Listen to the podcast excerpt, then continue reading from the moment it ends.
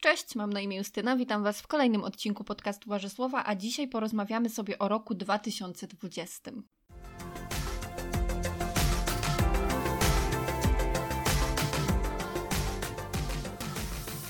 Ten rok 2020 podsumujemy sobie, ja właściwie podsumuję trochę pod względem życia, trochę pod względem kultury, znaczy trochę, przede wszystkim pod względem kultury, bo oczywiście po to się tutaj wszyscy głównie spotykamy.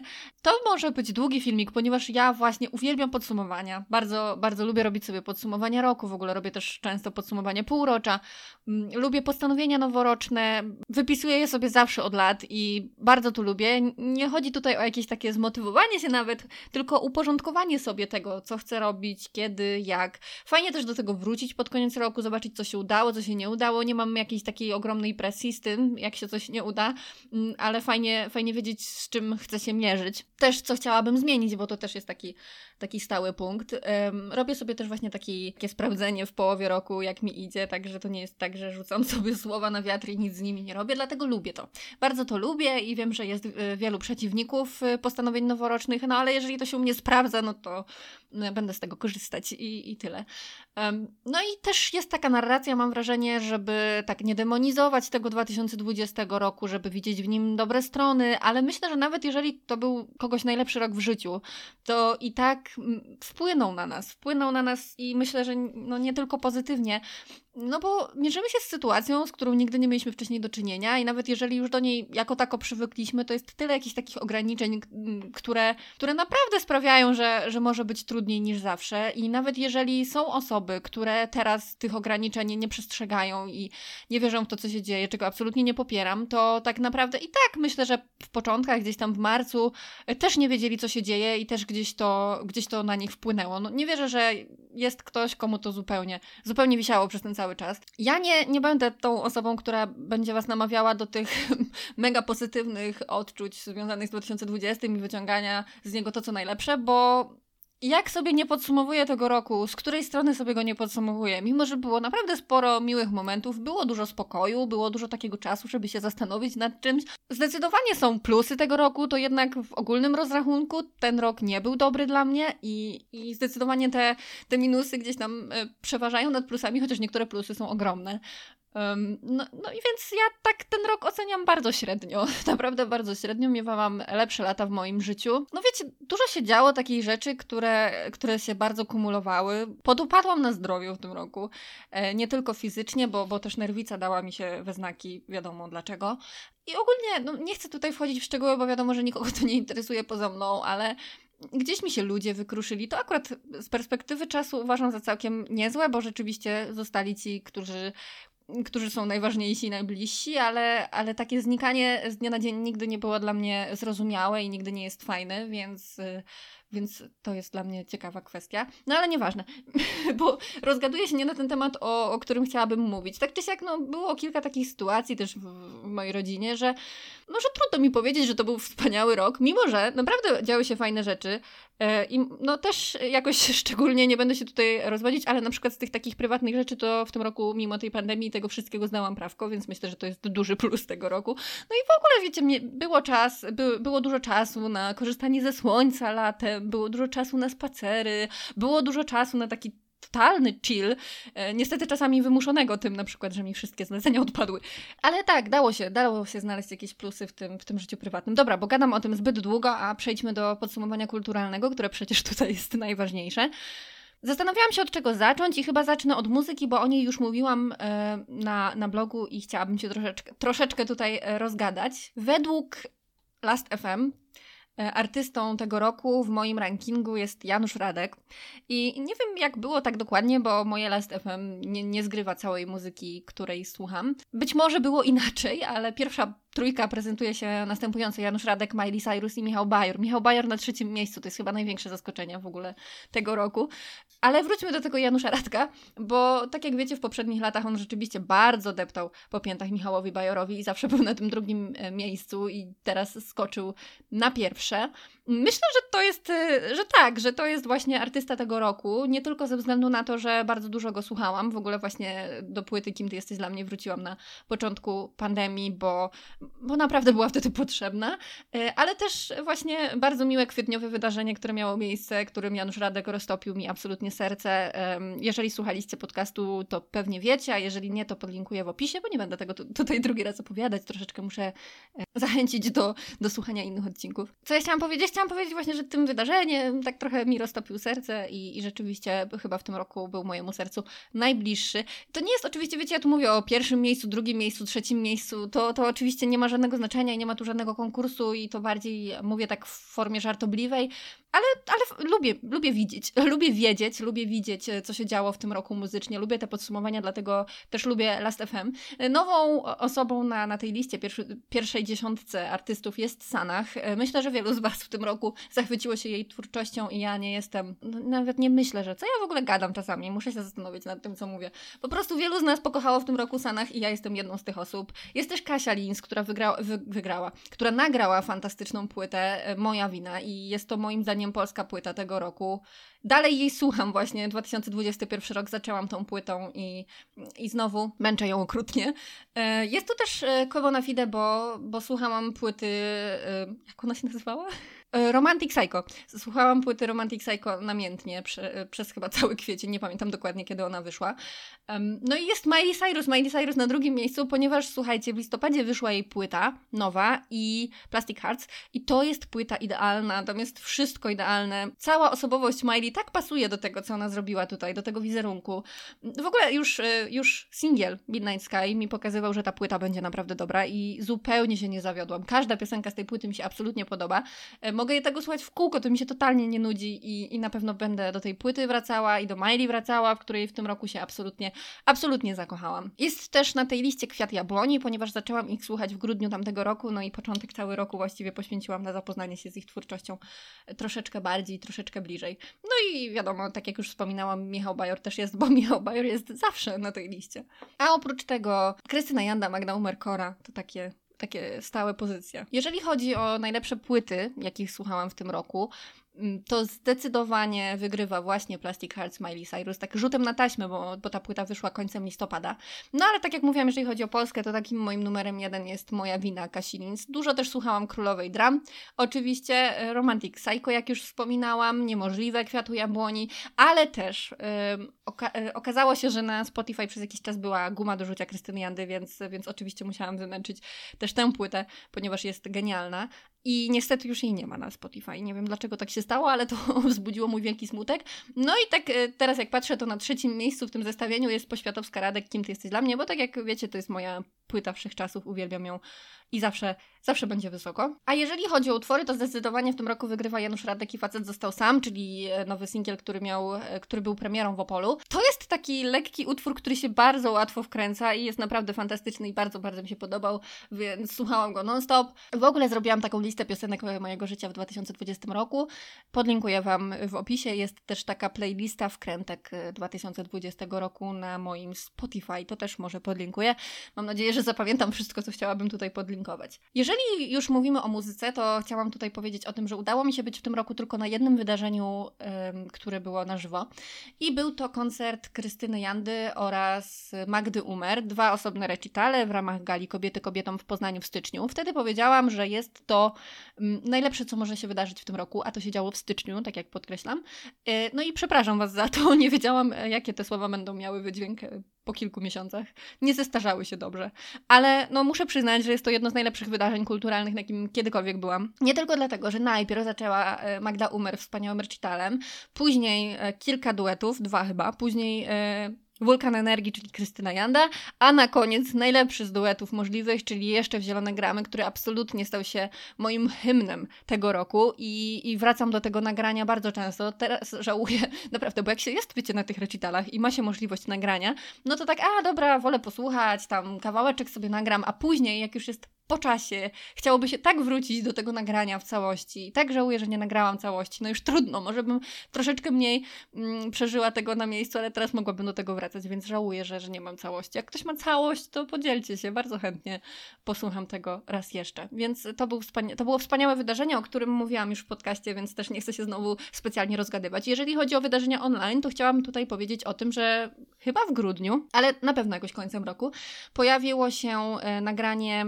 Recita recitalu Mariusza Kiliana. Bardzo przepraszam, ale nie pamiętam tytułu, natomiast były to utwory Grechuty w zupełnie nowych aranżacjach i pierwsza piosenka tak sobie zaczęłam słuchać, bo w ogóle ten recital bardzo, bardzo poleca Kulturalna Pyra, która się chyba zajmuje e, promocją tego, tego recitalu. Przepraszam, jeżeli coś pomyliłam.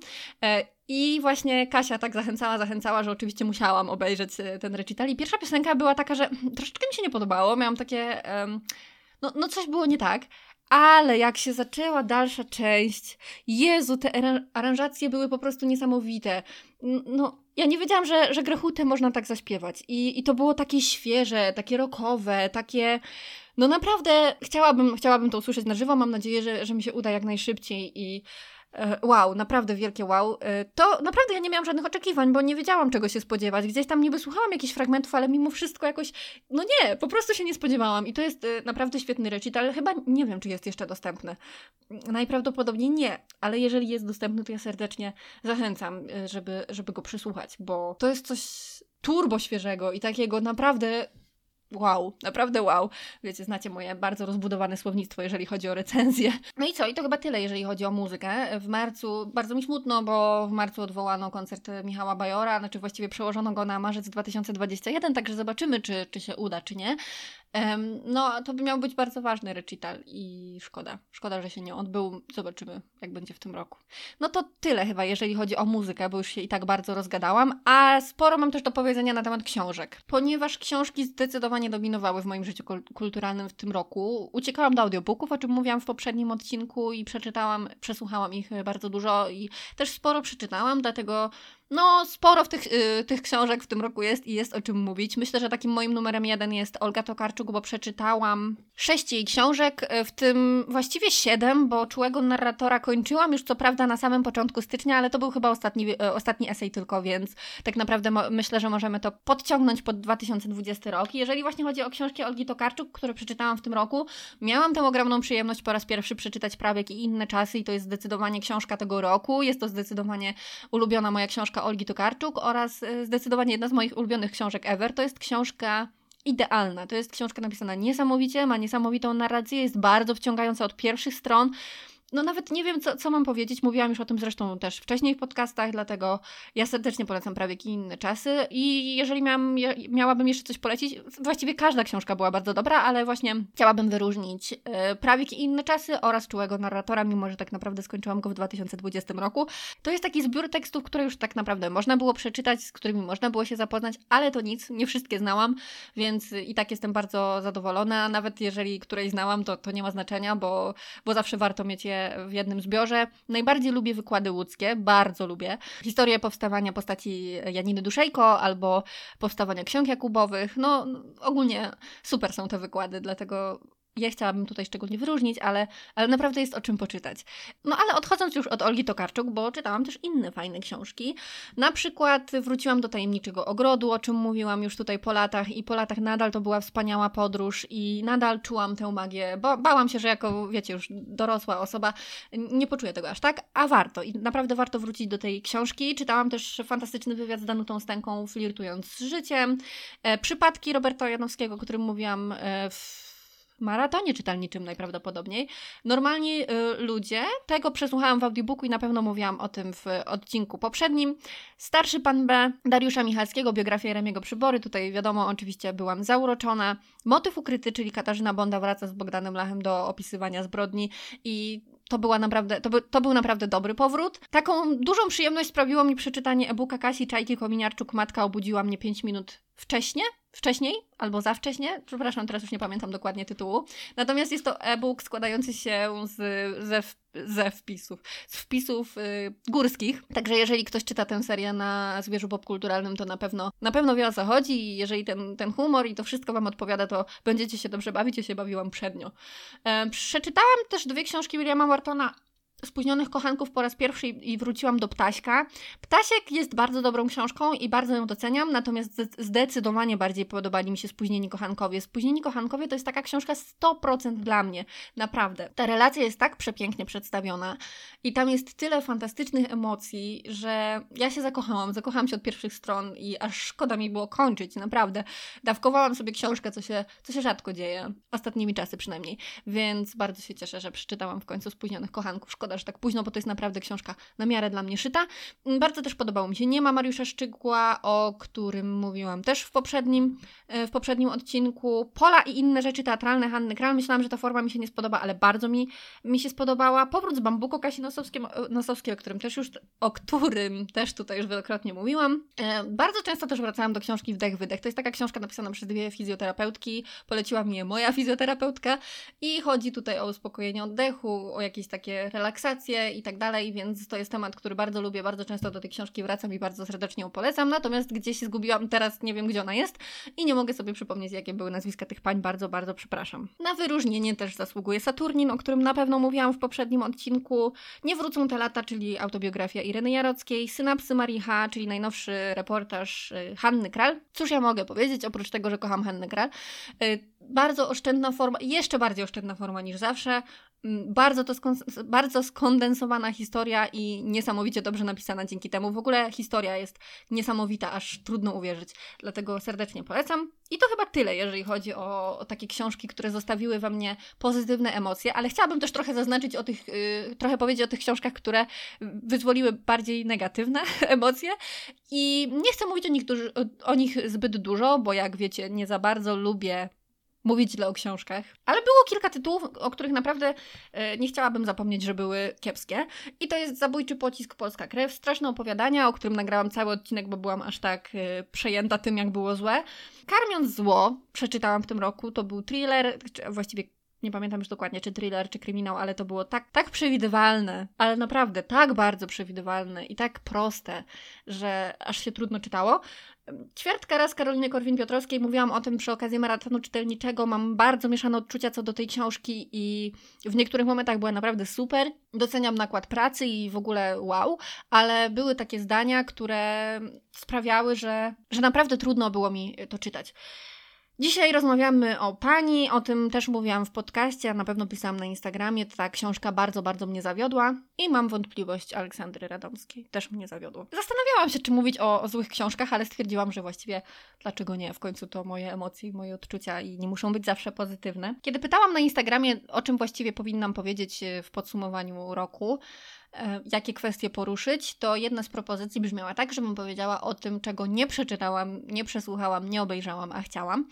E, no i początkowo miałam zrobić w ogóle osobny odcinek, ale okazało się, że zrobiłam za mało list, żeby takie coś na koniec roku nagrać, czy na początku kolejnego roku. Jeżeli chodzi o książki, których nie przeczytałam, a bardzo chciałam, na liście Maastricht miałam dwie pozycje, Phantom Bulu i Księgi Jakubowe. Obie zaczęłam, co prawda, ale żadnej z nich nie skończyłam. Natomiast teraz właśnie intensywnie czytam Księgi Jakubowe, bo w końcu, w końcu kupiłam e-book, bo nie wiem dlaczego, ale nie pomyślałam o tym, że skoro mi tak e, ciężko się czyta taką e, ciężko w takim sensie, że ona była po prostu ciężka fizycznie. Jeżeli mi się to tak e, ciężko czyta, to że łatwiej chyba będzie mi kupić sobie e-booka. No, jest też taka lista, którą sobie zapisałam w moim bujo, to jest klasyka polskiego kina i jest tam sporo pozycji. Bardzo chciałabym wszystkie to nie jest klasyka, to jest kanon polskiego kina. I chciałabym naprawdę wszystkie obejrzeć i, i, staram się już chyba od dwóch lat. E, no i troszeczkę się może ta lista zmniejsza, ale niewiele, niewiele. W ogóle ja mam co roku takie postanowienie, że nadrabiam polskie kino i w tym roku ledwo 22 filmy obejrzałam, więc nie, nawet nie filmy, bo, bo jest tutaj też troszeczkę polskich seriali, które nadrobiłam. No, także e, nie jest, nie jest najlepiej, ale w ogóle ja w tym roku mało oglądałam, to znaczy seriali całkiem sporo, nie powiem, że nie. Natomiast jeżeli chodzi o filmy, to przez ostatnie dwa lata naprawdę, naprawdę mało oglądam, bo albo właśnie głównie zajmują mnie seriale, albo książki. No trudno, coś na rzecz czegoś trzeba wybierać. Jeszcze wracając do książek, to e, takim moim taką moją bolączką jest to, że przeczytałam w tym roku naprawdę mało literatury branżowej. Naprawdę mało. I jest mi z tym trochę źle i mam nadzieję, że się z tym, że się poprawię w tym roku. Mam też nadzieję, że nie będę kupowała y, tylu książek. To znaczy, właśnie w 2020 nie kupiłam aż tak wielu książek. Kupiłam tylko te takie, które były najbliższe mojemu sercu, i mam nadzieję, że tak to, tak to będzie wyglądało dalej. To może powiem coś o tych serialach, bo mówiłam, że oglądałam sporo. Takim moim numerem jeden, myślę, że jak wielu z Was, jest Gambit Królowej, który wciągnął mnie od pierwszych chwil i na pewno o tym mówiłam, czy już nie. Być może oglądałam Gambit już po tym, jak nagrałam ostatni odcinek drugiego sezonu. Jest taka możliwość. Natomiast myślę, że jak każdy, po prostu wciągnęła mnie ta historia od pierwszego odcinka. Bardzo kibicowałam głównej bohaterce i do tego stopnia, że naprawdę po pewnej rozgrywce biłam brawo sama z siebie, więc myślę, że to o czymś świadczy. Jeżeli chodzi o inne seriale, to na pewno takim moim ulubieńcem serialowym jest Gracie Frankie, które umiliły mi właśnie ten czas izolacji pierwszej, bo właśnie wtedy oglądałam ten serial, nadrabiałam go, więc bardzo się cieszę, że mogłam akurat z tym serialem spędzić ten czas. Obejrzałam też y, The Kamiński, nie Kamiński, Komiński. The Komiński Metod. Um, miałam też taką fazę na polskie seriale, więc obejrzałam Znaki, Zbrodnie i Ultra, Ultrafiolet i to były takie trzy seriale, które mi się najbardziej podobały. Z największym naciskiem kła, e, kładzionym? Kładzionym? Z największym naciskiem na znaki właśnie, bo ten serial podobał mi się najbardziej. Oglądałam też Ratchet, o czym mówiłam już na pewno w podcaście i e, z takich seriali, które mnie wkręciły, polecam serdecznie Dom w górach i The Stranger. No i co? To by było chyba na tyle, jeżeli chodzi o kulturę w 2020 roku w moim życiu. Jestem przekonana, że o czymś zapomniałam, ale przecież, tak jak mówiłam, być może jest to trzeci sezon, ale zupełnie nic się nie zmienia, jeżeli chodzi o moje przygotowanie. No nie był ten, ten rok zbyt dobry, ale kulturalnie całkiem fajny, więc są plusy. Są plusy jednak. Jeżeli chcecie podzielić się jakimiś swoimi przemyśleniami, to wiecie, gdzie mnie szukać. Do usłyszenia.